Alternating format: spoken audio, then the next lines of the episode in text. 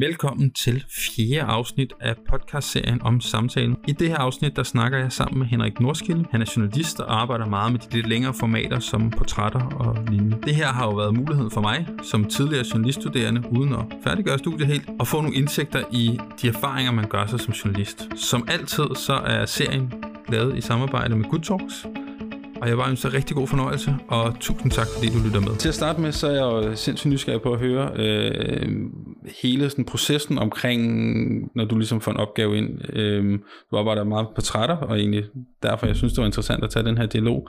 Øh, så hvis vi tager den sådan helt fra start, finder du selv opgaven, eller finder du selv historien, eller får du ligesom præsenteret, at der er nogen, siger, nu skal du skrive den her, eller, eller hvordan er forløbet i forhold til dem, du, det, du skal Det er lidt, lidt forskelligt. Øh, nogle gange er der nogen, jeg selv har en fast fascination af og byder ind med til forskellige øh, magasiner, hvor jeg nu tror, at, at det kunne være relevant.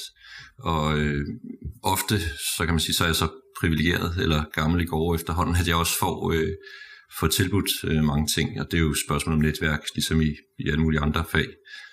Øh, og så nogle gange tænker jeg jo med det samme, fedt, det, det vil jeg bare lave. Nogle gange er jeg lidt i tvivl, og nogle gange siger jeg nej, og nogle gange får man snakket med, med redaktøren om, øh, hvordan kan vi præcisere det her, og, og hvad kunne være spændende.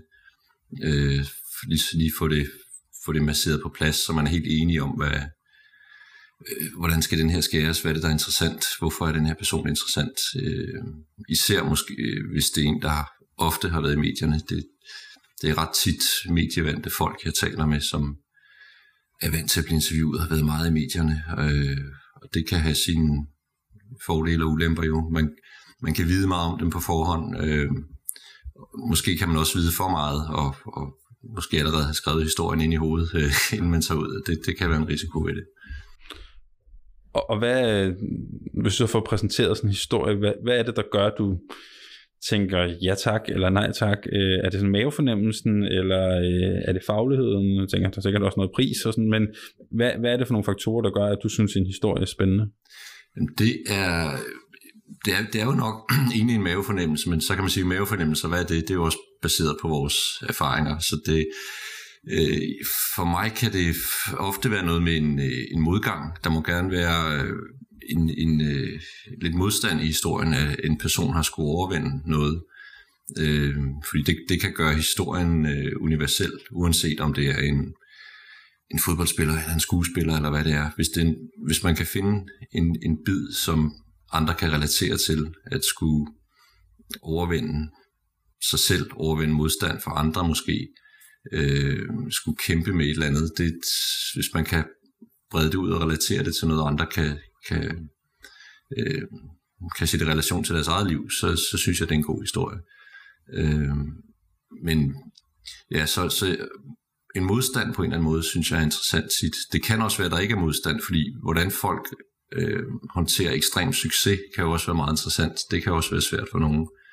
Øh, så, så der skal være en... Øh, der skal være noget, som, hvor jeg synes, hvis det, hvis det nu er en, der har været meget i medierne, så det, øh, jeg skal kunne tage historien videre, så jeg på en eller anden måde fortæller noget nyt, øh, inspirerer læseren på en eller anden måde, giver noget ny viden, øh, afhængig af, af emnet. Øh, så det, ja, man, det, det, man skal kunne tage det lidt videre på en eller anden måde, så, så det ikke bliver en genudsendelse i, af, af tidligere artikler.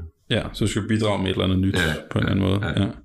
Ja. Øhm, og hvordan, øh, hvordan ved man det? Eller sådan, altså, altså, det går måske meget godt i forlængelse af det, du også lige hurtigt nævner. Sådan, øhm, hvor, altså, hvordan undgår man, at man har skrevet historien? Altså, fordi det lyder også som om, du skal egentlig lidt kunne se billedet af historien ja, på forhånd. Ja, ikke? Ja, øhm, ja.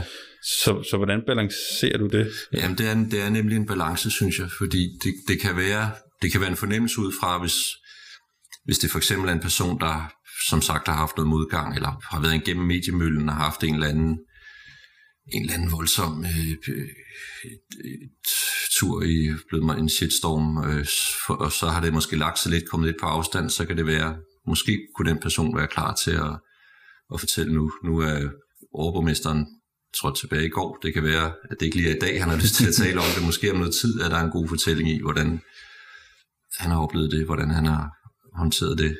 Øh, fordi nu er der jo, hvor man formoder meget af hans identitet i hans liv, der nu er, er skudt i sænk, og det er jo det er, jo, det er jo ret interessant. Måske noget andre kan relatere til også folk. Der er jo mange, der har oplevet at blive fyret for et job, for eksempel. Øh, øh, han kunne måske være interessant om, om noget tid. Det er ikke sikkert, at han kan eller må øh, sige så meget lige nu, øh, men øh, øh, og hvordan ved man så, at, at han er klar? Er det bare øh, at blive ved med at banke på hans dør og sige... Ja, det er jo nok noget med tid og sådan noget med...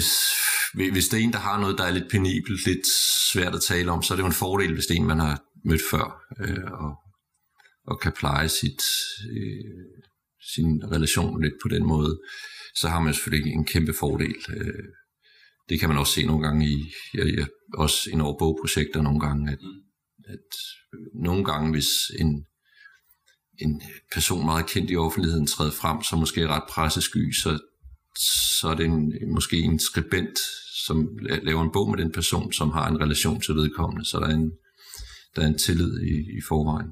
Ja. Øhm, så, så det er, ja, tiden gør selvfølgelig noget, og så de der mennesker, der måske har en ufortalt historie, man tænker, har, har de en, øh, ikke fordi man skal være mikrofonholder for dem, men måske har de måske har de fået nogle tæsk i offentligheden, har, har de en, en version, de også gerne vil fortælle, som, som nuancerer billedet lidt. Øh, sådan nogle kan være interessante, synes jeg. Ja. Øh, og så kan det jo være en, en undren, altså hvis man hvis man som journalist eller almindelig medieforbruger tænker, at det, det er det samme, der bliver fortalt altid om den person. Det kan jo godt være, at man tænker, der må være noget mere. Øh, det kan man ikke altid vide, men man kan selvfølgelig prøve at, at tale med personen på forhånd og, og skyde sig ind på, øh, øh, om personen er villig til at og, og ligesom køber den præmis, man har, eller, eller vil prøve at gå en lidt anden vej end, end normalt. Mm. Bare den der undren, du nævner, det, sådan, og det har ikke rigtig noget med rekruttering overhovedet, men det, de, øh, de par år, jeg nåede at studere, er nok en af de ting, jeg har jeg tror, jeg var mest overrasket over, hvor meget man ændrer sig af at træne det. Ja, ja. Øh, for vi arbejder meget aktivt med at træne undren, sådan noget som, nu pendlede jeg selv fra København til, til Odense, sådan at man skulle undre sig i toget, og man skulle ja, undre, altså ja, altså sådan, ja. så det var jo sådan en bearbejdelse af sådan, alt hvad man så, skulle man undre sig over. Ja, ja. Øhm, så bliver det nok på et andet niveau, sådan, når, når man rent kommer ud af studiet, men, men det har egentlig ændret meget måde, jeg generelt ser og tænker ting, ja, ja. Øh, og sådan blive konstant udforsket på, eller udfordret på, hvorfor er det sådan, og hvad kan man gøre det anderledes. Ja, ja, øhm, ja. Og jeg tror også noget, det har taget meget med. Selvfølgelig var jeg nysgerrig, det var derfor, jeg søgte journalistikken, men egentlig også taget med sådan til startup-verdenen, og sådan, at man altid undrer sig over, hvorfor gør vi sådan, som vi gør, og hvad kan ja, man ændre, ja, og sådan noget. Ja, øhm, ja. Så, så ja, så det, det kan jeg bare ikke genkende. Ja, ja, øhm, det kan jeg godt forstå. Du nævner det her med, at, øh,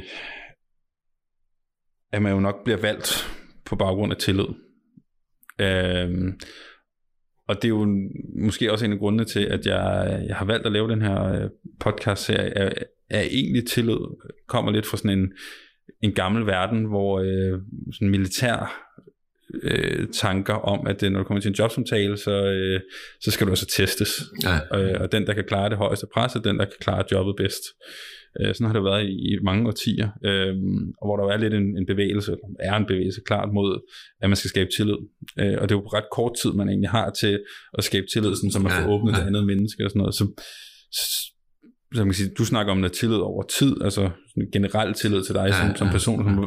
Er du bevidst om, hvordan du skaber det, eller er det bare, at du er ordentlig over for dem? Og, altså, hvordan skaber man den tillid? Ja, altså, det er sådan en, en god gammeldags ordentlighed betyder noget, men, men også en, og, og det er sådan noget, jeg skal minde mig selv lidt om nogle gange, fordi det, der kan jeg måske blive lidt erhvervsskade eller lidt rutinepræget, fordi jeg gør det ofte, men øh, selvom jeg sagde det til de medievandte personer, så trods alt, det, det, er jo, det er jo en ret stor ting, når man tænker over det, hvis det nu er et portrætinterview og sidde og fortælle om ting, der kan være meget personlige.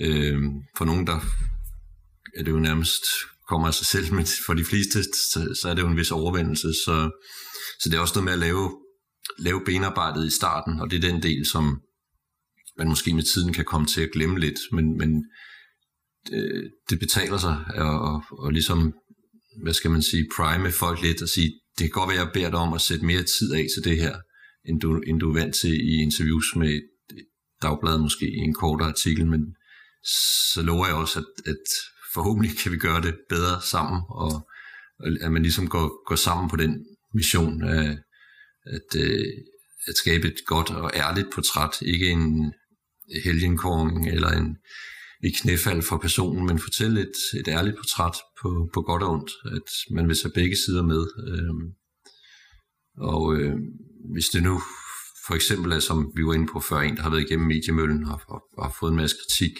hvis det er lidt på afstand, og personen har overvundet det, øh, så er det jo måske ikke så farligt at tale om, som hvis man står midt i det, at, øh, at man kan sige, øh, måske til en jobsamtale, så er det måske svært, hvad, hvilke problemer har du lige nu? Det er måske nemmere at tale om, hvad, hvad har du overvundet? Øh, hvad var en særlig svær udfordring for dig? Øh, det, det er jo altid en... Øh, det er jo nemmere for os at tale om noget, vi har overvundet, og der, det er jo egentlig også en... Så bliver det jo en, en positiv vinkel på det i den forstand. Ja.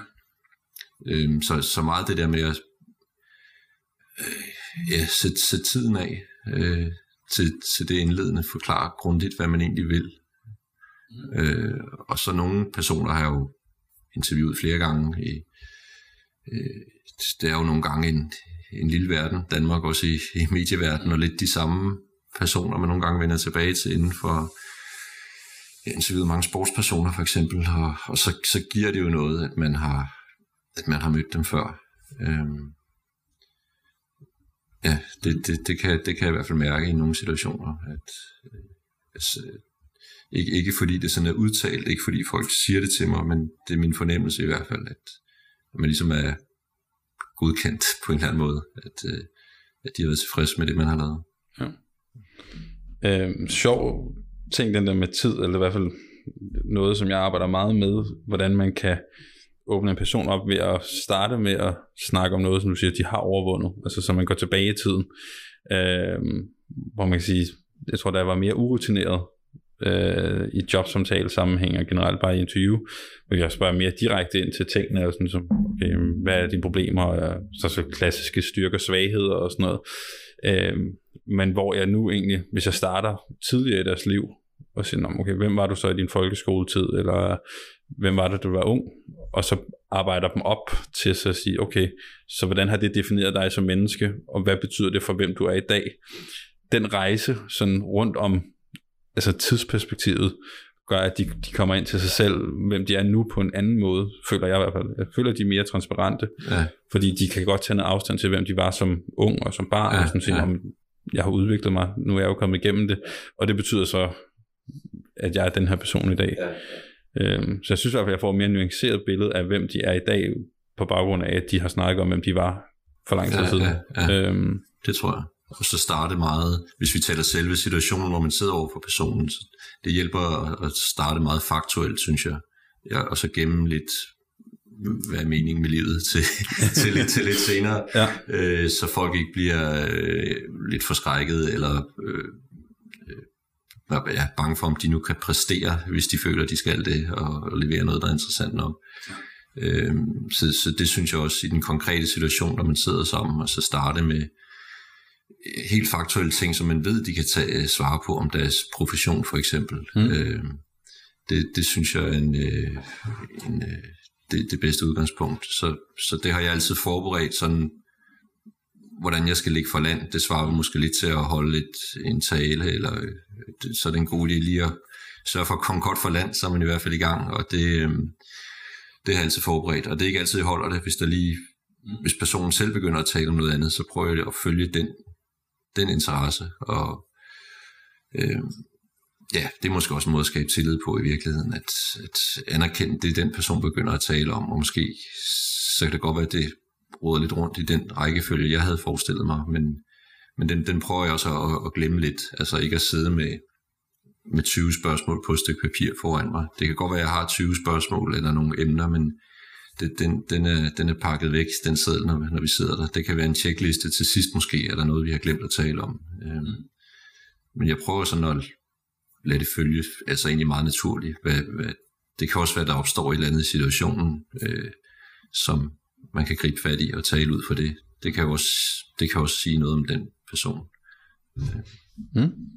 Spændende hvor mange, nu siger du sådan, det kan være, du har 20 spørgsmål eller nogle emner, eller sådan, hvor, hvor godt forberedt er du egentlig? Altså, hvor, er det sådan, så du tænker, jeg har i hvert fald øh, kvarters sådan, nu siger du sådan lidt sikker snak, øh, hvor de kan føle sig trygge, øh, eller hvor, lang, hvor lang tid har du, hvor du tænker, jeg kan i hvert fald godt holde den kørende, kørende sådan i gåseøjne, sådan, hvor vi, vi er på, på sikkert land, til så at åbne op? Altså, hvor meget føler du, du skal det, have? Det, det har jeg ikke sådan en helt tjekliste for. Jeg tror, jeg har måske sådan to-tre spørgsmål. Jeg tænker, det, det kunne man sådan starte med, og så hvis nu vedkommende helt blankt øh, ikke køber den præmis, eller ikke vil gå den vej, hvilken vej går vi så? Eller det kan også bare være et emne, jeg sådan har noteret mig. Vi starter her. Øh, så, så jeg har det ikke sådan på minutter, eller sådan en, en men, øh, øh, men øh, nu sidder jeg og tænker, om jeg kan, om det sådan nogensinde er gået helt galt. Det, kan, det er ikke, fordi jeg ikke vil sige det. Det kan jeg faktisk ikke huske lige nu. Det kan være, det kommer, hvor man er gået helt skævt af hinanden. Det, det synes jeg egentlig ikke. Så jeg synes, det, det, øh, det fungerer meget godt for mig at have lige det der, hvordan kommer jeg for land? Måske et åbningsspørgsmål eller et åbningsemne. Øh, og så, ja, du nævnte det med forberedelse her, det, øh, det, det, det, er en, det er meget en balancegang, altså fordi man kan jo læse, hvis det er en medievandt person, der har været meget omtalt, så kan man læse stolpe op og stolpe ned, og, og det, det, det har det lidt, lidt blandet med. Jeg ved ikke, om jeg helt har fundet formlen endnu, men, men jeg synes, det er farligt at vide for meget på en måde. Jeg vil gerne, det er jo også, nu talte vi tillid før, det er også tillid, at personen kan mærke, at jeg har forberedt mig, og jeg ved noget om den person, jeg ved noget om faget, jeg ved noget om det område, personen beskæftiger sig med, så, det ikke, så vi ikke starter fra scratch. Øhm, men risikoen ved at vide for meget er, som jeg sagde før, man nærmest har skrevet historien på forhånd, og øh, jeg tror, det var jeg tror, det var Niels Thorsen fra Politiken, der sagde, eller siger, at, at, at man kan have historien, man skal være meget bevidst om, hvilken historie man har med ud til et interview. Mm. Fordi det, det kan man måske ubevidst have med sig allerede, at, øh, at det er en bestemt øh, historie. Altså hvis det er en meget omtalt person, og måske, måske hvis det er en person, der hævder sig på en meget bestemt måde, eller bliver omtalt på en meget bestemt måde, øh, så vil det så, så bliver det måske lidt uinteressant, hvis det er den sædvanlige historie, hvis det bliver en genudsendelse, og man skriver en artikel, som hvor man lige skal kunne læse en artikel, der var et år gammel eller tre år gammel. Ja. Så det er i hvert fald en ambition for mig ikke at, ikke at gøre det, og derfor også øh, pas på ikke at overresearche, eller i hvert fald være meget bevidst om, hvad, hvad der er skrevet før, og ikke, ikke gentage det for meget.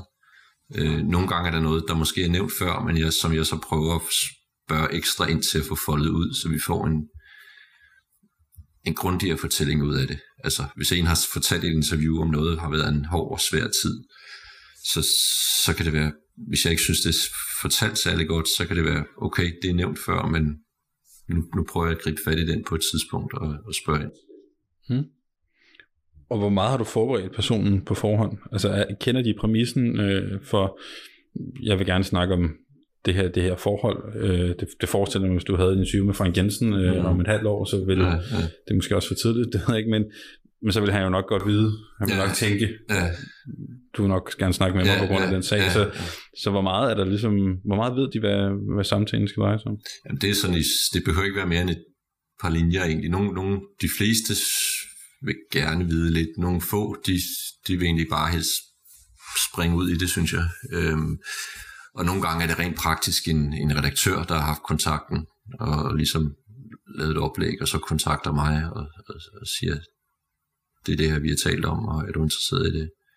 Øhm, men, men, men jeg prøver altid at, at lige enten på telefon eller på mail frem og tilbage lige få, få forventningsafstemt, så man er enig, at, at øh, i, altså, hvad man gerne vil, så har mulighed, personlig mulighed for at sige nej. Altså, det er nu sjældent. Det er jo ikke, det er jo ikke fordi det er sådan, som regel er sprængfarligt, eller, men, øh, men det er også ret for mig at vide, hvis der er noget, som, som personen blankt afviser. Altså, jeg, jeg har da kolleger, der er kommet ud til kendte skuespillere, hvor man, og det må man så respektere, som siger, at jeg, jeg, jeg taler ikke om mit privatliv overhovedet, og jeg taler ikke om det og det og det, og så øh, der, der skal man gerne være lidt forberedt på at vide, hvad, hvilke greb kan vi så bruge, hvordan kan vi fortælle det, kan vedkommende holde sig, og det kan jo sagtens være at holde sig 100% til at tale om sit fag, øh, og det kan stadig være en interessant artikel at, at sige noget om, om vedkommende. Mm. Og nu nævner du det her med, at, at mediebranchen er jo er lille, ja. så man kender meget hinanden. Er, er man så også, altså, ved man så, hvem det er? Nu kan man sige, nu var der jo øh, hele Nørby øh, sagen, øh, hvor hun jo øh, ja, reagerede ret kraftigt øh, ja. på det interview. Sådan, er det sådan, som man ligesom ved, om der er, der er de her mennesker, der reagerer specielt, og altså tager man hensyn til, den her person er, er lidt speciel, eller den her person er meget åbenmundet, så her skal, kan jeg virkelig få noget godt, eller hvordan, hvor meget forberedt på sådan personligheden og individet? Ja, ja øhm, selvfølgelig er der snak om det. Jeg, der, jeg, det er meget sjældent, synes jeg, der er nogen, der har sådan virkelig, virkelig dårlig ry, hvor man tænker, det, det, det bliver virkelig svært, det her. Øhm, men jeg, øh, jeg, jeg, man, man har jo et indtryk af personen fra, fra medierne, og, og, og så kan man spørge andre, der, der har talt med dem. Og det er jo ikke altid det hele holder. Det kan være, at vedkommende har haft en dårlig dag, hvis det er en, der en journalist, der har fået et dårligt indtryk af vedkommende. Men, men det er jo altid... Øh, ja, hvordan gør det? Det kan jo, det kan jo også være altså forberede lidt icebreaker, vide lidt et, et eller andet om, hvad deres hund hedder, eller hvad, for at bruge et gammelt banalt eksempel, ikke? Eller et eller andet, hvad de nu interesserer sig for. Øh, eller et eller andet aktuelt, de lige har haft gang i i deres karriere, som man kan, kan ligge for land med. Øh, så, så det er ikke, det er sjældent, jeg synes, jeg har mødt nogen, der sådan har ry for at have været meget besværlige. Øh, det kan, nu er der jo, jeg ved ikke om det er lidt et sidespor, men der er jo meget styring, der er jo mere og mere styring i dag for PR-folk og, og presseagenter og så videre. Det, det, de kan nogle gange have et, et ry for at gøre tingene unødigt besværlige. Det, det er sådan noget, der bliver talt om i mit fag nogle gange, at der er nogen, der har et virkelig dårligt ry, hvor hovedpersonen måske er meget rar og omgængelig, men hvor der er nogle krav og nogle ting og sager, der, der bliver besværlige en anden vej rundt, ikke? Så, så kan det måske kræve noget benarbejde for journalisten eller for redaktøren at, at, at bokse lidt der. Ikke? Øhm, men det er, jeg, jeg interviewede øh, Oliver Stone, filminstruktøren, for nogle år siden på, på et hotel nede i München, og han, der, der, var jeg lidt, der var jeg lidt nervøs, da jeg gik ind, kan jeg godt huske, fordi han, han kan godt ikke bare have ry for, han, er, han, han kan være meget, meget direkte i mildestalt over for, øh, for nogle journalister. Jeg kan huske, der var en journalist fra Finland, der havde været inde lige før mig, eller det er jo, det er jo sådan en samlebånd af internationale ja, pressefolk, der, der kommer ind, ikke? Og, hvor, hvor han sagde noget med, det, det, det er et dårligt spørgsmål at stille. Hvad, hvad er det egentlig, du vil vide? Altså, det, det, den fik han smidt i hovedet, den, den journalist, ikke? Så, øh, så øh, jeg, jeg kan ikke huske, hvordan... Han, han viste sig så at være, at være ret omgængelig. Han begyndte at tale om, han havde været i Danmark som ung, og tale om Tivoli og Smalltalk.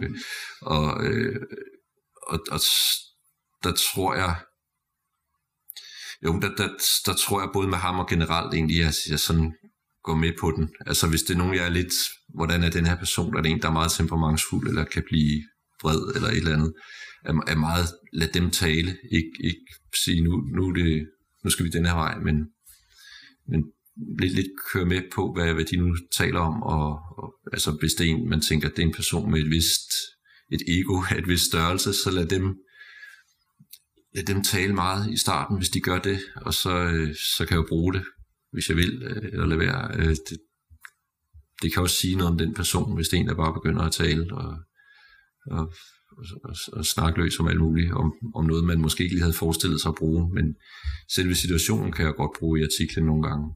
Øh, er det en, der bare snakker løs, eller en, der virker helt forsigtig og ikke rigtig vil noget i starten. Øh, så lige med lige konkret med, med Oliver Stone der, der var det stressende, fordi der var så og så mange minutter, og så begynder han at snakke om Tivoli, og han har kørt rundt på cykel i Danmark som ung og sådan noget. Men jeg kunne godt bruge det i artiklen, men det var lidt stressende, men jeg, som jeg husker det, jeg, jeg, jeg, jeg, jeg turde ikke sige til ham, vi, øh, altså jeg har kun x antal minutter, nu må vi lige komme i gang, fordi så så tænker jeg, hvad, hvad hvis han smider mod eller et eller andet. Så, så der, der, der måtte jeg bare lade, der, der måtte lige være lidt small talk i fem minutter, øh, og så, øh, så kom vi til de, hvad skal man sige, rigtige spørgsmål. Men igen, jeg, jeg, jeg kunne godt bruge det til noget, at han, mand med det her ret barske ry, øh, han, han egentlig bare begyndte at hygge snakke. Ja. Hvor lang, det er ikke sikkert, du kan huske præcis hvor mange minutter, men sådan, hvor lang tid har man til sådan noget? Er, er det sådan en kvarter? Eller? Ja, det er nok sådan noget kvarter 20 minutter, og nogle gange er det lidt, så bliver der banket på døren af en PR-ansvarlig, ikke? og nogle gange øh, får man så lige to minutter ekstra, eller I kan stille et sidste spørgsmål. Okay. Og lidt egentlig i forlængelse med det, øh, som du også har nævnt lidt sådan, jamen, du kan ligesom bruge nogle aktuelle ting til ligesom at få snakken i gang og sådan noget. Øhm,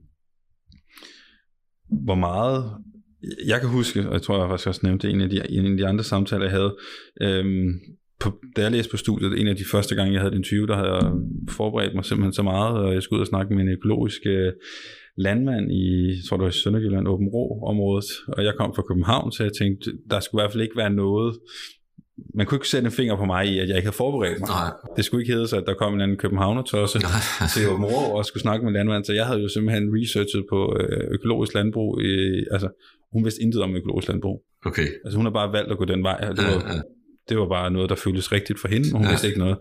Så, så jeg tabte hende fuldstændig ved at sidde og bruge øh, fem minutter på at forklare, at ah, men så kan man jo sammenligne med, og jeg brugte virkelig lang tid på at showcase. Ja. Ja. Jeg har virkelig undersøgt ja, det her. Ja. Um, så det var i hvert fald for meget for hende. Ja, ja. Øhm, hun var så overbærende, jeg var studerende og sådan noget, så, så hun var sød nok, men, men jeg kunne sagtens mærke efterfølgende, at det, det fungerede ikke.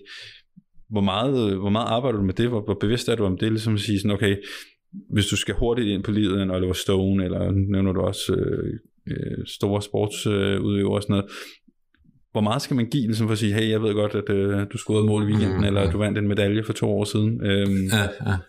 Og hvor meget skal man, skal man ikke gøre det? Eller Jamen det, det er jeg egentlig ret bevidst om, øh, synes jeg, at, at jeg prøver at lægge sådan en lille, øh, en lille øh, lokkemad ud, eller sige, at øh, altså, og, og, altså er det udspekuleret, det ved jeg ikke. Altså det er jo også en, øh, det er også en anerkendelse, at, at jeg har sat mig lidt ind i tingene, så, så jeg synes, lidt afhængig af hvem det er, så det er meget godt, at øh, igen, det, det er ikke sådan noget, folk siger, at men, men det er sådan en fornemmelse, jeg har, at, at måske kan det få folk til at slappe lidt af, eller ligesom hvis der er nogle parader, at de måske falder lidt, at de kan høre, jeg ved godt lidt om emnet, jeg har sat mig lidt ind i det, og øh, jeg har også øh, tidligere i år, der lavede jeg en del sådan, øh, sundhedsstof, det har jeg skrevet sådan lidt on and off, hvor der også er interview med, med læger og forskere nogle gange, som jo jeg ved ikke om det er helt berettet, de har et ry for at være meget journalistskeptiske, at der står, det er måske rigtigt nok nogle gange, de kommer fra en verden, hvor man forklarer alt med, ud i alle øh, afkrog og med alle forbehold, og vi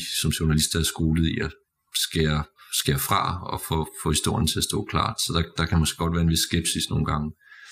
Og der, der prøver jeg nogle gange at, hvad skal man sige, lægge en lille lunds ud for lige at flette ind i et spørgsmål. Jamen, jeg læste jo i det her om den her undersøgelse, som minder om det, du har lavet, eller noget af den stil, for lige at, at vise, at jeg ikke ringer op helt, helt fra bare bund. Øh, så, så det, i, i nogle tilfælde, der, der, der synes jeg, der, der er det helt klart, at det, at det, nogle gange er det en fornemmelse, og i nogle tilfælde, der, der er det ret klart, synes jeg, at det giver noget, at man, at, at jeg har sat mig lidt ind i det, eller eller ved noget i forvejen, og hvis jeg ikke gør det, så, så sætter mig lidt ind i, i deres fag, eller i et eller andet aktuelt, de lige har arbejdet med.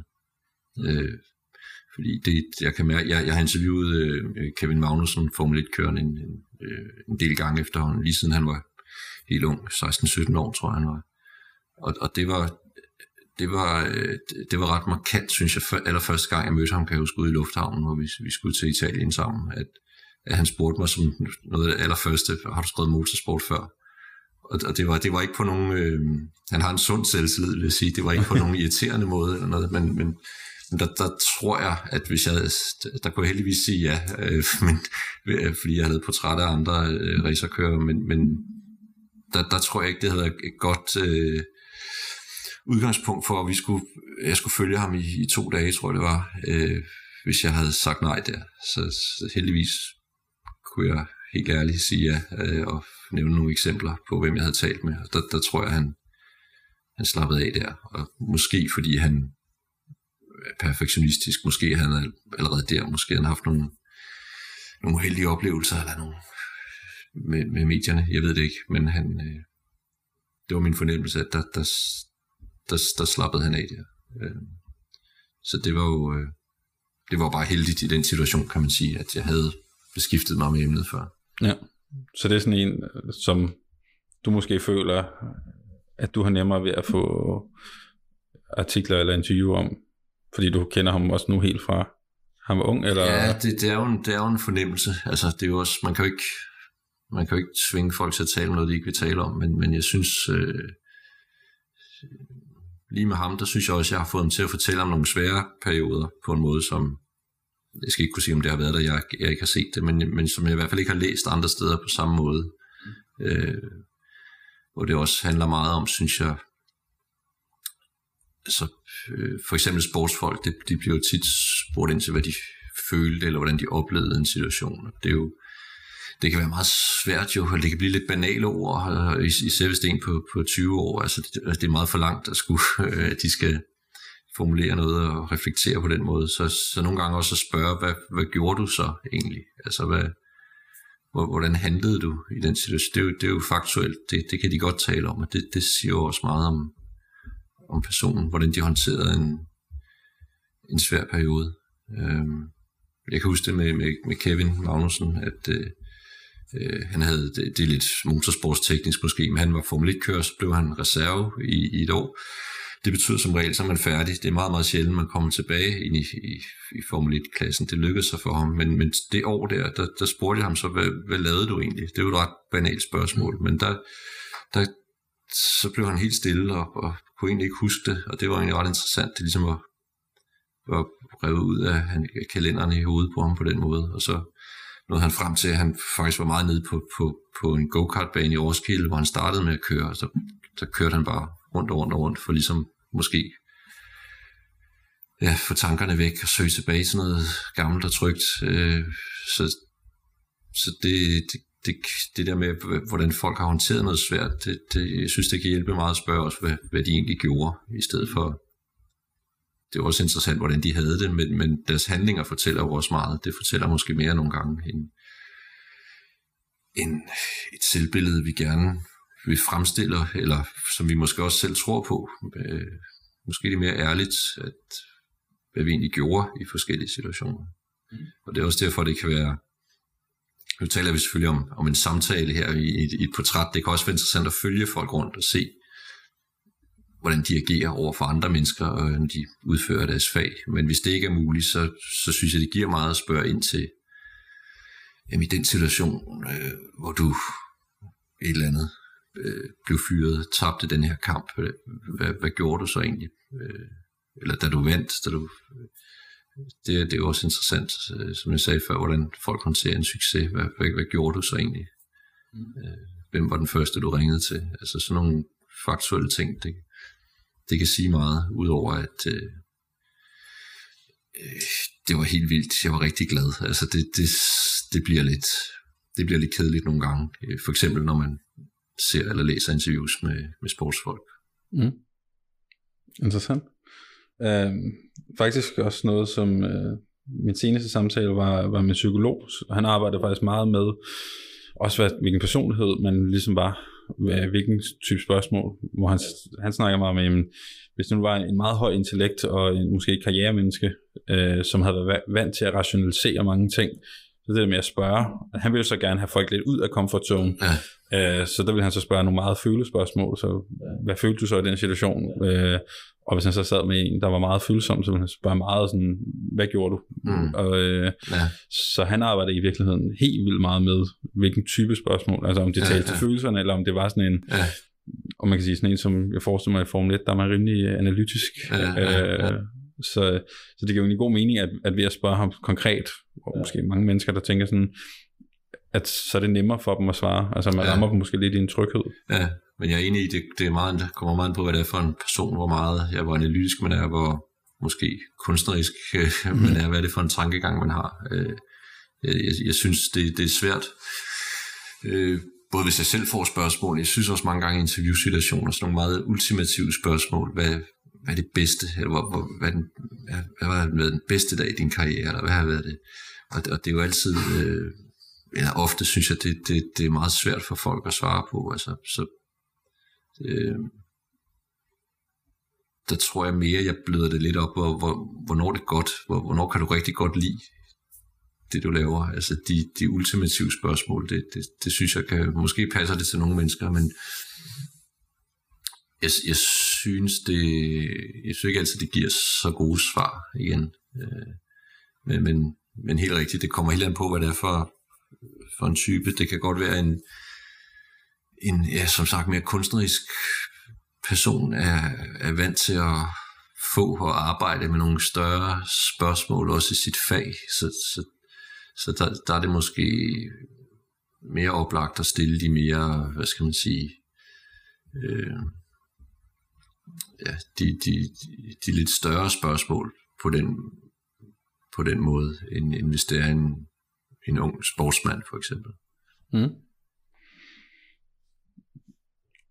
Og hvis vi sådan øh, kører lidt videre, nu vi snakker meget om sådan, var også stadig lidt sidespor, men det var også kun spændende, men snakker meget om, øh, hvad er det for nogle, nogle small talk ting, øh, som du ligesom bruger i starten af samtalen, øh, for ligesom at skabe den der tillid, og hvilket er også noget, som jeg bruger relativt tit i rekrutteringssammenhæng, hvor jeg på en eller anden måde siger sådan, om jeg kan se, at du har ude at rejse der, der har jeg også været, altså så prøver på en eller anden måde at skabe et bånd, øh, så, så der er mange ting, jeg kan, jeg kan genkende der. Øh, men hvad er sådan fysisk, den fysiske location? Man kan sige, nogle gange forestiller jeg mig, så er man jo tvunget. Oliver Stone kunne du nok ikke hive øh, til Tivoli i København, selvom det nok ville blive sjovere interview. Men, men, men hvor meget er du bevidst om det, hvis du rent faktisk har valget i, om, om er interviewet hjemme hos dem? Er det på et øh, offentligt café? Er det øh, et øh, kedeligt øh, mødelokale, eller hvor bevidst er du om, om sådan Jamen det, det er, jeg, jeg prøver, altså mødelokaler vil jeg, vil jeg gerne undgå. Det, det, øh, det er ikke altid, det kan lade sig gøre, hvis øh, måske nogle gange er der nogle betingelser fra øh, nogen, der står for vedkommendes øh, PR-arbejde og pressehåndtering, så, så kan det være det sådan, der. Men øh, hellere få dem hen et sted, hvor, hvor de er vant til at komme. Måske har de en favoritcafé, hvor hvad de kan lide at være, og måske folk vant til at se dem der, hvis det er nogle personer, der er kendt i offentligheden, så kan det måske også være lidt problematisk, hvis man sidder et sted, og der er mange, der kigger, eller nogen kommer måske hen, eller øh, så hellere hjemme, eller et sted, vedkommende er vant til at komme, eller øh, hvor vedkommende laver sit fag måske, gør et eller andet, øh, sidder i, i, øh, i sit... Øh, hvis det er en, en på et teater i en øh, i omklædningen der, eller ja, øh, eller gå sammen, eller køre bil, det, det kan også noget, sidde i en bil og tale sammen, når man kører. Det, der, der bliver et eller andet mere afslappet ved det, et eller andet mindre konfronterende eller udspørgende, synes jeg. Mm. Øh, måske sker der også et eller andet, når man går rundt eller kører, at, at man kan man kan kommentere det. Øh, så, så, så det, det, det kan betyde meget, synes jeg. Er lidt afhængig af, hvor meget de skal, hvis det er sådan meget, meget fagligt konkret, så betyder det måske mindre, end hvis det er, hvor man gerne vil have personen til at slappe af og give noget personligt, selvfølgelig. Øhm, men meget gerne se dem i forskellige omgivelser, synes jeg også. Altså, det med en café, som sagde, det kan være et problem, hvis vedkommende føler sig overbeglået, eller bliver forstyrret, men igen, det, det kan så også være, det kan så også give noget, hvordan, hvis det er en, en der oplever berømmelse, hvordan øh, håndterer personen det, hvordan agerer vedkommende, når der kommer folk hen og vil have taget et billede, eller øh, det, det kan også være en stor gave til en artikel øh, på den måde, øh, hvordan, øh, hvordan vedkommende håndterer det. Øh, jeg var, da øh, fodboldspilleren Pierre Emil Højbjerg, da han var ung og spillede i Tyskland for Bayern München, var jeg, var jeg dernede, og der kan jeg huske, der kom en, en lidt ældre kæmpe Bayern München-fan. Vi var ude ved deres, øh, ved deres træningsanlæg, og så han, han kunne ikke kende, øh, genkende Pierre Emil Højbjerg umiddelbart. Og så gik det op for ham, hvem han var, at han stod over for en Bayern München-spiller. Sådan noget var en stor gave til artiklen, fordi han var helt, det var helt fantastisk, synes han, at han stod der med det her unge, unge talent. Øh, og så, så også se, hvordan han Altså Pierre Emil Højbjerg blev, man kunne se, at han var allerede lidt vant til det, men måske ikke helt vidste, hvordan han, øh, han havde sådan lidt en blanding af noget blufærdighed og allerede, allerede lidt rutine i det, at, øh, at øh, når han sagde, vi skal jo, jeg kender en god restaurant, du, skal, du får mit telefonnummer, du skal der ind og spise der, og, og hvad han ellers sagde. Ikke? Det, det er meget sjovt at se, hvordan en person håndterer den slags, ja. fordi vi i bund og grund alle sammen jo gerne vil optræde venligt og høfligt, men hvordan, når, når folk hele tiden kommer hen og spørger og, og, og klapper ind på skulderen, hvordan, hvad, hvad er det for et liv, hvordan håndterer man det? Så, så de der de der uh, slice of life, eller hvad tror jeg stand-upperne kalder det, hvis der bliver råbt et eller andet ned for publikum, altså et eller andet, man kan gribe fat i og bruge, det, det, er jo, det kan jo være en stor gave. Uh, så, så, men omgivelserne, det kommer lidt an på, på temaet, og, og hvor meget folk skal, skal fortælle sådan, uh, ikke nødvendigvis private ting, men personlige ting. Uh, men, men jeg tænker over det, at uh, når du nævner mødelokale, så nu, nu sidder vi i der praktiske årsager med, mm. med podcast og så videre, men men øh, det, det er sådan noget, man, jeg og tror alle andre helst, helst vil undgå egentlig, normalt. Så, så hellere komme hjem til folk, eller i deres sommerhus, eller ja, køre bil, hvad, hvad det nu kan være. Ja. Og det, der er selvfølgelig nogle sindssyge logistiske problemer i forhold til at skulle holde jobsamtaler, øh, ja. ikke i et mødelokale. Øh, men jeg synes jo virkelig, det, det er interessant, at, at i virkeligheden har alle de, nu er du fjerde, øh, man sige, repræsentant for en eller anden form for faglighed, som alle sammen arbejder meget med omgivelserne. Og jeg, jeg kan ikke huske, at jeg nogensinde har hørt nogen inden for rekruttering. Der er helt sikkert nogen, men jeg har bare ikke hørt det, der arbejder specielt meget med det, fordi det bliver jo bare det, det nærmeste lokale. Ja, øhm, ja. Og, øh, og, og vi havde i virkeligheden en, hvis jeg skal sådan, hele corona her har jo gjort lidt, hvor vi, vi stadigvæk har rekrutteret nogle, nogle praktikanter, øh, og der har været nogle helt skæve samtaler, mm. øh, som i virkeligheden har, har løsnet stemningen utrolig meget. Øh, ja. Hvor jeg blandt andet havde en, en søn med på en, øh, en Skype-forbindelse, som ja. ikke var helt så frisk. Okay. Ja. Øhm, ja. Så, så det gjorde bare nogle ting, at et, man så jo også mig i en mere hjemmevandt situation, fordi jeg var derhjemme. Ja. Øh, Godt nok var det lidt over Skype og sådan noget, men, men det var egentlig bare tydeligt, at, at der skete noget andet. Så det var, ja, jeg tror nemlig også meget på, at den der åbenhed i samtalen kommer over af, at folk også er trygge. Og en ting er, at man sidder i en jobsamtale, man kan sige, det er også noget af det, som, som vi snakker om i forhold til politiet. Det er jo en utryg situation, at du ja, måske skal ja. dømmes for noget, og du er i en meget steril bygning, øh, sådan en politistation. Øhm, så, så der prøvede hun jo så at arbejde rigtig meget med nogle andre ting, hvordan hun kunne gøre nogle ting, men også gå nogle ture, gøre nogle ting ja, for at komme ja. væk fra. Øhm, så det, ja, jeg kan ikke lade være med at tænke, om det, det burde man på en eller anden måde arbejde ja, lidt med. Ja, det er måske lidt svært i rekruttering, men der, der kom jo det her walk and talk begreb på et tidspunkt, ja. vi snakkede om mange steder i erhvervslivet, ikke? At, at det giver et eller andet at rykke møde ud, at folk går sammen. Det, det, øh, det kan noget. Det, det giver lidt, at vi er på samme hold, eller vi, ja. der er ikke et... Øh, det kan måske være intimiderende til en job som at man sidder i det der lokale med et bord imellem sig. Og, ja. øh, så så det er i hvert fald værd at tænke over, synes jeg. Øh. Ja, og så er det sjovt, du nævnte det der med, med bilen. Øh, jeg har selv øh, efter del år siden efterhånden blaffet rundt i, jeg har både blaffet til Istanbul, men jeg har også blaffet rundt i, i Skandinavien, hvor vi sådan tog hovedstederne rundt, så ja. det tog en uges tid eller sådan noget. og hvor jeg faktisk interviewede folk, så jeg skrev om de her personer, jeg mødte. Ja, øhm, ja.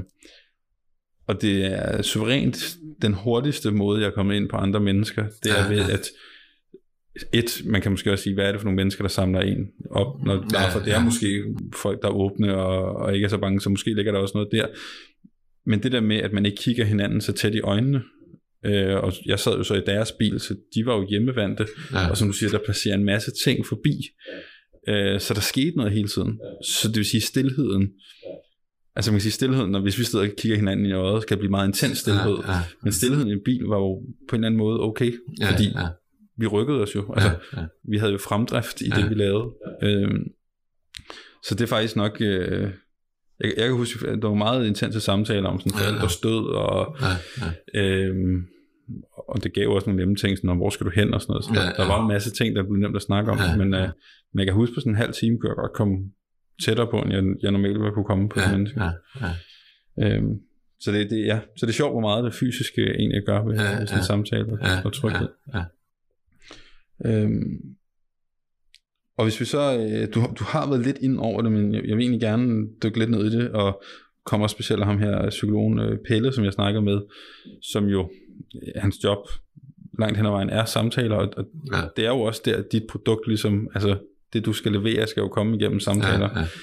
Øh, så hvordan fastholder man nysgerrigheden? En ting er, at man kan have researchet for meget, men, men hvad med den der hverdagstrummerum, ja, ja. der kan komme ind i det og sige sådan, okay, nu har jeg lige interviewet Oliver Stone, nu skal jeg ikke nævne nogen navne, men, men hvis det så var en eller anden lidt mindre kendt dansk instruktør. Ja, ja, ja. Jamen, jeg forstår godt, hvad, hvad, hvad du tænker. Det, men det, det er, og, og det er også en, det er også en risiko. Jeg, jeg kan også godt, hvis jeg skal være helt ærlig, godt tage mig selv i det jo, at øh, nu er jeg ved at køre noget lidt på rutinen her, så det er også noget med at tage sig selv i nakken, men også, jeg synes faktisk, det hjælper at tænke tilbage, at der er jo stort set altid et eller andet, man kan tage med sig.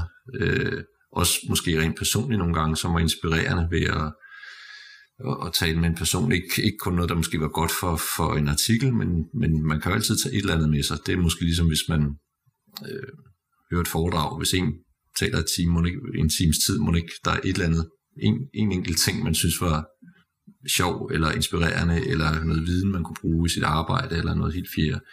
Øh, så jeg, jeg synes altid, der er, altså det, det er blevet overrasket over nogle gange, nogen jeg skulle interviewe om et eller andet emne, hvor, hvor det, det ikke lige var noget, jeg havde en interesse i på forhånd, men hvor jeg faktisk blev, blev lidt grebet af det, eller måske vedkommende til engagement i det, øh, som, som også kan inspirere.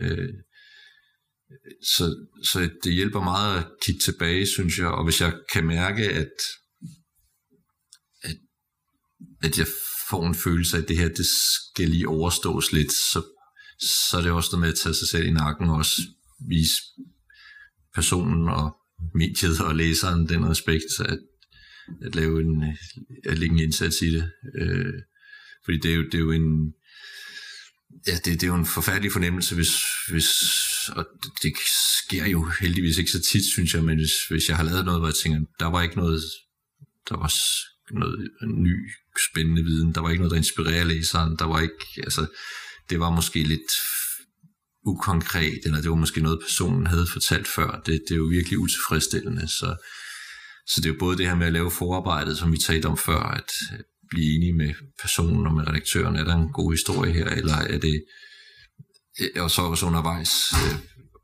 ligesom prøve at holde sig selv skarp, og, og hvad, hvad, hvad er det selv, man er fanget af her? Hvad, hvad, er man selv, hvad vil man selv gerne læse, hvis man nu var menig læser og ikke lige tilfældigvis skrev øh, artiklen? Øh, så ja, det, det er meget det her, det hjælper mig ret meget at tænke tilbage, og tænke selv nogle gange helt obskure emner, så synes jeg faktisk, det har været meget interessant, når, hvis det har været en, en, en interviewperson, der har øh, kunne sætte mig, øh, kunne fortælle godt om det. Altså, i, øh, det er selvfølgelig et forskel, hvis det er portrætter og en ekspert øh, kilde, men altså selv nogle på papiret meget tørre emner, hvis man interviewer en, måske en, der har forsket i et eller andet, man aldrig havde drømt om, man kunne finde interessant. Det, det kan også give noget, hvis det er en engageret person, og hvis det, øh, ja, hvis det er en, der fortæller, er, er rigtig god til at fortælle om det. Mm. Kan du, jeg jeg selv, og, og det er jo grunden til, at jeg også synes, det er spændende, øh, er fordi jeg virkelig selv har oplevet det, som, øh, det var så mere som, som ansættende chef, hvor at, øh, jeg havde en, en travl hverdag, og, og, og der var nogen, der bookede jobsamtalerne til mig, så jeg kom bare mm. ikke altid lige velforberedt, og, øh, og jeg kunne også godt nogle gange have en følelse af, øh, enten kom jeg måske til at dømme for hårdt på CV'et, var sådan, det her, det, det tror jeg ikke på. Altså, jeg skal overleve den her tid, og jeg skal give den anden person en oplevelse af, at jeg, jeg egentlig er der, øh, og respekterer deres tid, men i bund og grund havde jeg ikke sådan en, ja, altså, jeg, jeg taget mig selv, at jeg ikke kunne huske samtaler ja, ja. Øh, to dage efter, fordi ja. at jeg har bare har zoomet ud og bare ja. måske kørt den på rutinen. Så jeg er egentlig også lidt nysgerrig af, hvordan, hvordan fanger man det? Altså, hvornår fanger man det? Øh, jeg tror, jeg er blevet bedre til det sådan med, ja. med rutiner og sådan noget, men, men kan du godt mærke det sådan, okay, måske har jeg presset for tiden, eller et eller andet, så lige nu bliver min opgave lidt mere rutinepræget, mm. eller. Eller, eller er det sådan, okay, nu har der været tre uger, og jeg kan mærke, nu har jeg skrevet nogle, nogle artikler, mm. som jeg, nogle portrætter, som jeg ikke synes er gode nok. Ja, ja. Altså, hvornår kan du, altså, Hvornår opdager du det? Opdager du det i interviewet, eller er det før, efter? Ja, det er nok, altså nogle gange, hvis jeg kommer ind på mit kontor og starter computeren, og, og jeg sådan, så prøver jeg at være meget opmærksom på det. Hvis jeg tager sådan mig selv i at tænke, ja, jeg gider ikke, jeg gider ikke rigtig den her opgave. Og så, altså, så prøver jeg at tage mig selv lidt i nakken, og, og, og, og ligesom måske fake it till you make it, finde den der nysgerrighed frem. Hvad, hvad kunne være spændende her? Øh, og, øh, så, så det netop ikke bare bliver rutinepræget ud fra, øh, hvad vedkommende fortalt før, og øh, ja, sådan øh, standard, øh, altså for skabelon-agtigt. Øh, så det, det kommer der sjældent noget særligt godt ud af, synes jeg. At, øh, altså, vi startede med at tale om det her, hvordan man ligger for land og have nogle spørgsmål, men også, også kunne afvige fra det. Mm. Og, altså måske have de her to-tre hovedområder, det her, det, det er vigtigt, det skal vi have snakket om, det skal vi have svar på, men så være åben over for, hvad, hvilken vej det går, og netop være, prøve at høre efter, og det, det kan egentlig, det kan være svært nogle gange i et interview, synes jeg, hvis, hvis jeg sidder og kigger personen i øjnene, nu er det en anden situation med os to nu, fordi du spørger mig, men hvis nogle gange kan jeg godt tænke, øh, nu, nu synes jeg, det kører i en anden retning, end hvad jeg havde forestillet mig. Det her, det, det, det er slet ikke interessant. Det, det kan jeg slet ikke få til at øh, øh, passe ind i, i artiklen, og, og, og så skal man både prøve at være til stedværende, og samtidig så køre tandhjulen i hovedet. Hvad, hvad skal jeg spørge om? Hvordan kan jeg prøve at dreje det her en anden vej? Øh, det kan være, øh, hvis en bliver lidt irriteret over noget, jeg prøver at spørge ind til, hvordan, hvordan håndterer vi den situation? Skal, skal jeg lade det ligge nu og vende tilbage til det, eller skal jeg holde fast? det er jo... Øh, det, det er jo sådan noget, der hele tiden, hele tiden kører. Øh, og det var ikke helt det, de spørgsmål gik på. Det var mere nysgerrigheden. Ikke? Nu kommer jeg til at tale sådan lidt til stedeværelse. Men altså, mm. prøve at... Men det er vel også meget, på en eller anden måde, det samme. Eller hvad man kan sige, ja, nysgerrigheden forsvinder, hvis ikke du er til stede. Ja, ja. På en ja, eller anden prøve, prøve at høre efter, simpelthen. Og, være, prøve, og så, og sige, hov, der var, noget, der var faktisk noget spændende der, og så spørge ind til det. Altså ligesom jeg tror det var, altså hvis man kan sammenligne det, det ved jeg ikke rigtigt, men jeg tror det var Michael Caine engang, der sagde, at han skulle forklare, hvordan, altså forklare skuespillerfaget, hvilket jo, hvordan gør man det? Men han sagde, det var en masse forberedelse at prøve at lære en hel masse, og så gå ind, og når kameraet tænder, så glemme det, fordi du er nødt til, hvis du spiller over for en person, du nød, det skal være troværdigt, du er nødt til at høre efter, hvad vedkommende siger. Og, og, og det er også det her med at forberede sig, og så også lægge det lidt væk, altså, så man ikke lukker ned for den nysgerrighed og åbenhed overfor, der, der kan, øh, der, at man kan blive overrasket, at der kan ligge noget, noget godt, som man ellers overser. Øhm, men altså, det, det, er, det er meget, ja, du spørger til, hvornår jeg opdager, det, det er meget, øh, det er meget før egentlig, sådan, for, for man lige, at, at, ja, så må man jo prøve at tage sig sammen på, på godt gammeldansk, altså, og, og, og, og prøve at sætte, ligge nære i det, og, og, fordi følelsen af at spille folks tid og lave noget, der ikke er ordentligt, eller ikke giver noget til læseren, det er jo, det må man jo så minde sig om, at det er det, man risikerer, hvis man tænker sådan, at, at det bare er rutine, eller, øh, og, og, og selvfølgelig kan de situationer komme, hvis der er stort arbejdspres, og den der følelse af, at det her skal bare overstås, den, den kan jo godt komme, men der må man prøve jo at, der prøver jeg virkelig at holde fast i nysgerrigheden og sige, okay, hvad, der er nogen her, der, den person, jeg skal tale med, har er rigtig god til sit fag, eller har opnået de her ting. Altså, hvad, hvad, er, hvad er interessant her? Og så, og så prøve at glemme det tidspres lidt, hvis det er nu det, der, der stresser en. Ja, så i virkeligheden sådan let fjerne fokuset på arbejdet, eller, og nu må du endelig sige, hvis jeg overfortolker, men sådan fjerne fokus på arbejdet, og så mere fokus på mennesket. På ja, det kan man måde. måske godt sige. Altså, hvad, hvad nu, hvis det ikke var et interview, vi bare sad og ja. drak en fredagsøl et eller andet sted? Hvad, hvad vil jeg gerne spørge om? Det, det er måske prøve at ja, gøre, det, gøre det mindre arbejdstankegang, men, men mere nysgerrighed, mere at sådan finde en oprigtig nysgerrighed frem. Øh, fordi der, som sagt, jeg synes altid, der er et eller andet et eller andet, man kan tage med sig, øh, som, øh, som kan inspirere. Er der noget, man selv kan bruge i sit arbejdsliv? Er der noget, læseren forhåbentlig kan bruge? Øh, øh, så, øh, så ja, det, det, det er meget noget med, at min, for mig i hvert fald, at minde mig selv om, hvor, utilfredsstillende det er, hvis, hvis jeg synes, det sådan er, hvis jeg ikke har bevaret den nysgerrighed, og har lavet det lidt, lidt på rutinen, altså fordi, og det, det er jo også, nu startede det, altså, tingene hænger jo lidt sammen, nu, nu talte vi tillid i starten, det er jo også, måske kan modparten også mærke det, hvis det er lidt på rutinen, at, øh, at jeg ikke dyrker en nysgerrighed og en interesse for den person.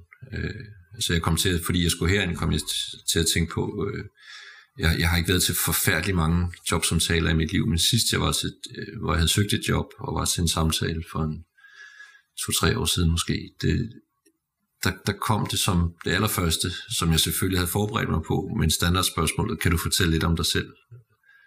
Og jeg, og jeg kan huske, at jeg følte mig helt punkteret af det, fordi jeg tænkte, altså mit, mit helt ærlige svar, som øh, ikke havde været særlig strategisk, havde måske været, nu sidder I her, der var tre eller fire mennesker, øh, altså er der ikke et eller andet, I nysgerrige på ud for det, jeg har skrevet? Altså hvad, hvad specifikt, hvad, hvad er I interesseret i? Nu har I min ansøgning og mit CV, og jeg kan huske, jeg følte mig sådan lidt punkteret af det der spørgsmål, øh, som kommer i en eller anden afskygning, fortæl lidt om dig selv, eller stærke og svage sider, men, men det, det, det var lidt som om, Jamen, jeg, det var sådan, jeg tænkte, men er det bare sådan en skabelon, I kører, og så, mm. så er det bare sådan en samlebånd, eller er I egentlig nysgerrige på, at kunne vi være godt match, kunne vi arbejde sammen?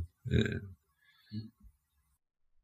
Og det er jo sindssygt relevant, altså det er jo lige præcis det, der er tit af problemet. Øh. Og jeg forstår, godt, jeg forstår godt det spørgsmål, vil jeg så sige, fordi det kan jo godt være en forsøg på sådan en, så starter vi lidt let, sådan bare, og, og måske også måske synes folk, jamen, så siger det noget om den person, hvad vælger personen at, at, at tale om. Så på den måde kan jeg godt forstå spørgsmålet, men jeg synes, det, det, det virker lidt som en række spørgsmål, der står på et stykke papir, de har. Det, det, det svarer, jeg, jeg kan huske den, øh, den konkrete samtale, det, det, jeg tænkte, det er jo lidt ligesom, hvis man er jobsøgende og sender 20 ansøgninger, og den eneste forskel er, at man har skiftet firmanavnet ud. På, på den måde kan en, mm. et jobinterview eller samtale jo også komme til at, at følge sådan en skabelon, hvis man ikke passer på, øh, synes jeg. Helt vildt, og, øh, og man har jo også en, det er jo, det er jo det, man arbejder meget med, øh, at man undgår biases, eller prøver at undgå biases mere i hvert fald, fordi man er, man er jo så låst, så en ting er, at, at du kommer ind, men jeg har jo allerede dømt dig, altså langt hen ad vejen kan man jo sagtens, specielt hvis man er presset og, og måske også urutineret og sådan noget, så ender man jo hurtigt med at sige, det giver ikke nogen mening. Altså sådan, du har jo lavet det her før, så hvorfor, altså jeg ved godt, hvem du er. Ja, ja. øhm, så det er jo også meget det, jeg, det er jo egentlig det, jeg gerne vil, fordi så har jeg så også hørt, jeg kender mange inden for journalistik nu, og sådan, så hørt, at interview kan også hurtigt blive lidt, lidt afhængig af hvilken form for, for medie man kommer ind i, kan det også hurtigt blive meget skabelonsagtigt, men, men men journalistikken arbejder jo i hvert fald med den der undren, og øh, så som sådan teoretisk synes jeg bare, der er meget i journalistikken, der arbejder på nysgerrigheden og det teoretiske, og, ja, ja. Og, og der er bare ikke den der teori i, i rekruttering. Altså det er mere sådan, jeg skal have en ansættelse, jeg skal gerne have den hurtigt, ja. og jeg skal gerne hakke de her tre ting af, som min virksomhed ja, ja, har sagt. Ja. Øhm, så altså, jeg, jeg tror helt sikkert, du rammer noget der i, at, at man... Jeg synes, det er interessant i hvert fald, ligesom når vi taler om omgivelser, altså hvordan man... Øh jeg kan huske gang, for, for jeg var elev i stedet for, for mange år siden, hvor, hvor det var ikke en samtale, jeg selv var med til, men, men han skulle ansætte nogle øh, kontorelever, det, min gamle kollega der, og han havde et, jeg kan ikke huske præcis, hvad det var, et andet lille tøjdyr, eller et eller andet legetøj, eller sådan noget, som han bare sådan lagde på bordet, øh, for at se, jamen, greb, greb de den? Altså, turde de sådan sige, øh, lave et eller andet sjov med det, eller kommenterede de det, eller hvor, det, det er jo også en lidt måde at, at bryde, bryde normen lidt, ikke? Altså, han, ja. hans tilgang var så, at, at, at han, han ville gerne have de ture et eller andet. At, dem, der bare ignorerede det fuldstændig og lød så om det ikke var der, det, det synes han var lidt underligt. Mm. Uh, sådan, uh, ja, at, at de, de ikke viser en mere menneskelig side, at de ture kommenterer det, eller har hvor sjovt, eller hvad, hvad, ja. hvad er det, du har der. Altså. Øh, så, så det, det er også en måde at ligesom bringe et eller andet element ind, eller bryde nogle, nogle, øh, et format lidt. Mm.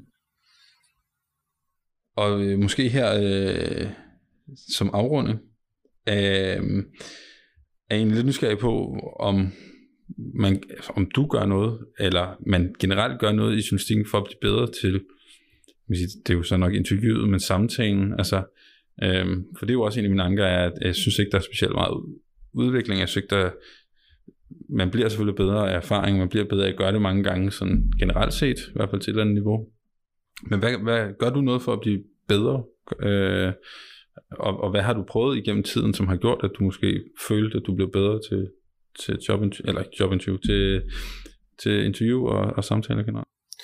Øh, meget af det, synes jeg, er erfaring. Det her med at ligge, ligge for land, ligesom have nogle, nogle, øh, nogle emner eller konkrete spørgsmål, jeg skal have svar på. Men så også det her med, jeg tror i starten havde jeg mere, uden jeg kan huske det helt i detaljer, men der havde nok mere tendens til slavisk at følge det her ark med spørgsmål. Hvor jeg så har med tiden overvundet mig selv til at lægge det væk, og så prøve at følge den, den nysgerrighed og have mere tilstedeværelse. Og så kan man som sagt altid tjekke det til sidst, og, og se, er der noget, vi har glemt, er der noget, vi lige skal få, få rundet her til sidst. Øhm, så den mere, øh, på en måde mere løse tilgang, på lidt, øh, ikke, ikke følge sådan en historie, altså ikke, ikke bare skabe den historie, den, den samtale, jeg måske har haft i hovedet på forhånd, men også se, hvor det bevæger sig hen. Det, det synes jeg øh, det, altså, det er jo et spørgsmål om erfaring også, for at blive mere tryg ved det. Øh, og så ellers, øh, ja, jeg taler da også med kolleger om det en gang imellem, hvordan, altså for eksempel sådan noget, en ting som øh, icebreaker, eller hvor meget skal man fortælle om sig selv. Det, det er jo en meget, hvis det er et portrætinterview, det, det, kan, det kan jo være en meget, meget underlig situation. Det, det, altså i virkeligheden er det jo en meget underlig situation, når man sætter sig ned, og man måske har man aldrig mødt hinanden før, og man beder det her menneske om at øse alt muligt ud om øh, måske barndom og personlige øh, sejre og nederlag og alle mulige ting, de har skulle overvinde. Det, det er jo egentlig en, en helt absurd situation.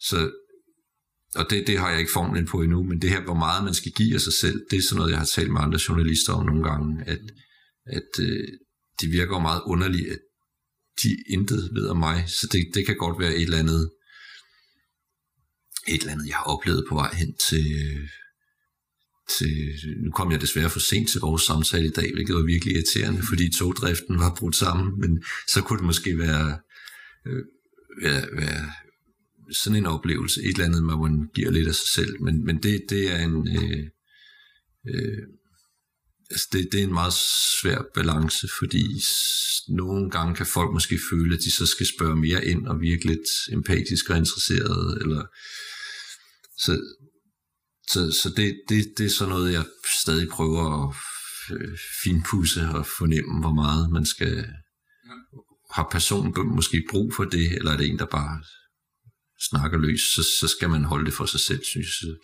Så er der ingen grund til at begynde at, at ligesom bryde rollerne for meget, at, at journalisten begynder at, at fortælle om et eller andet øh, fra sit eget liv. Altså, øh, øh, jeg, jeg kan måske gøre det på den måde, at hvis jeg fornemmer, at der er et eller andet person, har jeg lidt svært ved at fortælle om, og så sige, det har jeg selv oplevet på den og den måde, eller øh, altså prøve at ja, det her med lige at lægge en lunds ud, eller sige, jeg har interviewet din kollega øh, for noget tid siden, som fortalte sådan her, det, det, det her kunne være svært øh, for den person. Øh, har du oplevet noget lignende? Altså, helt, altså få folk til at føle, at de ikke står alene i verden med det her, som, som de måske har svært ved at tale om. Øh, så, så det, det er sådan nogle, øh, det, det er ikke sådan, jeg har været på, som jeg lige husker det, på et sted sådan efteruddannelse i mm. interviewteknik og sådan. Øh, øh, der, øh, det, det, måske det er mere udbredt blandt sådan mere øh, nyhedsjournalister. Det kan jeg forestille mig, tv-journalister, der skal prøve at, ja.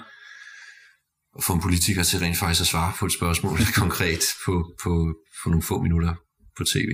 Øh, men mm. det er, det er det, det er sådan en løbende proces, vil jeg sige, og uden et helt facit. Det kommer an på personen, og det er, det er noget, jeg taler om med andre journalister også. Øh, ja, hvordan, det her, hvordan ligger man for land, hvor meget, hvor meget skal man fortælle om sig selv, øh, hvor skal man, øh, ja, omgivelserne, hvor, hvor det godt at, at mødes hen. Øh, øh, Ja, og som de her ting, du har spurgt ind til tidligere, er det en, er det en person, der øh, har ry for at være besværlig, eller noget vedkommende ikke vil tale om, og hvordan, hvordan kan man nærme sig de emner. Øh, så, så, men, men jeg vil sige, i bund og grund, det, den, den tilstedeværelse og nysgerrighed, som vi taler om, det, det er det vigtigste, synes jeg. Ja. Øh, øh, i, hvis du spørger til, hvordan jeg sådan prøver at udvikle det, eller blive bedre til det, øh, det, det, det er det, jeg prøver at holde fast i. Øh, og, og så prøve at... Øh, og, også ikke at komme omkring for meget, vil jeg sige. Fordi for eksempel et portræt, det er jo det er jo, det er jo stadig en bid af et menneske, et forhåbentlig sandt og, og, og nuanceret og, og, og troværdigt billede, men det er, jo ikke, det er jo ikke hele den person. Så der, havde jeg, der tror jeg også før i tiden, jeg havde nok tendens til at have altså alt, alt for meget jeg ville, så man kommer til at, at smøre, smøre for tyndt ud simpelthen, og, og skøjte hen over nogle ting. Øh, så det, det har jeg også, det synes jeg, jeg er blevet bedre til at acceptere. Der er nogle ting, vi må, det kan være, at det er noget, der viser sig, at personen slet ikke vil tale om, eller det kan være, at der er noget, igen, hvis man husker sin nysgerrighed, det her, det er virkelig interessant, så de her andre ting, jeg havde tænkt som mulige emner, det, det, det pakker vi væk, og så, så bliver portrættet den her del af, af personen. Så det her med at ja, vælge ud, og det, det, det synes jeg også er, det, ja, det, med, det, med erfaringen, så, så bliver det nemmere at acceptere, at, at man, man kan ikke komme omkring alt det, man måske havde forestillet sig. Mm. Så sådan, nogle af de ting, du siger der, sådan, måske opsummerer også meget godt, hvad jeg hører dig sige, er et, et, en god samtale, eller sådan, at, øh, at du er god til at holde fokuset, øh, sådan relativt skarp fokus, samtidig med den her balance med at opretholde nysgerrigheden, og, øh, og så rigtig meget balancen af, hvor meget skal du fylde, hvor meget skal du give af dig selv i relation til, til den, du, du holder samtalen. Det er ligesom det, jeg hører dig sige, at den, balancen mellem de ting er nøglen til en god samtale. Ja, det synes jeg, det er for mig. Det, det ja. der, er jo, der er jo meget forskellige tilgange. Altså, for eksempel det her, hvor meget man fortæller om sig selv, også om man bruger sig selv i artiklen. Der er også nogen, der skriver i jeg-form, om sig, altså, hvor journalister skriver, om sig, skriver sig selv ind. Øh, så det er der sådan forskellige øh, tilgang til. Det, det er meget, meget, det synes jeg, der skal være en rigtig, rigtig god grund til at gøre, ellers så synes jeg, man skal holde sig fra det øh, i den konkrete ting. Men, men det er jo sådan noget, man, det er jo sådan noget, man taler om i mit fag også, eller jeg i hvert fald taler med andre om, øh, øh, hvordan man gør, de gør, eller folk man kender, hvordan griber de det an. Øh, for eksempel, hvor meget de bruger sig selv øh, i, i, i en bog eller i en artikel, hvad det nu kan være. Mm. Perfekt. Lad os øh, runde af på den, øh, på hvad en, en god samtale er.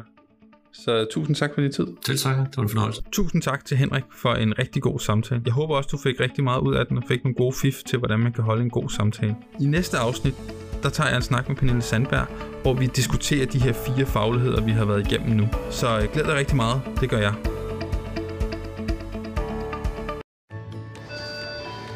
Ready to ride Metro, we want you to know we're ready for you. Here are just a few of the people at Metro to tell you how we're doing our part to keep riders safe. We're cleaning like never before with hospital grade cleaning. You'll find hand sanitizer stations all over the Metro.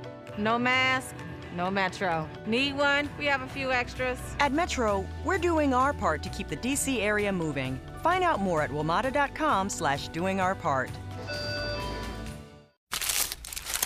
For all you foodies out there, I'm unwrapping a McDonald's steak, egg, and cheese bagel. Ooh, look at this steak. And the juice running down the side. Got a little bit on the wrapper here. Mmm.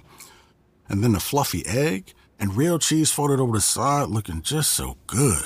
Mmm, mmm. Grilled onions and a butter bagel too. Thumbs up for McDonald's steak, egg, and cheese bagel for breakfast. Love it. Mmm. Ba ba ba ba. I participate in McDonald's.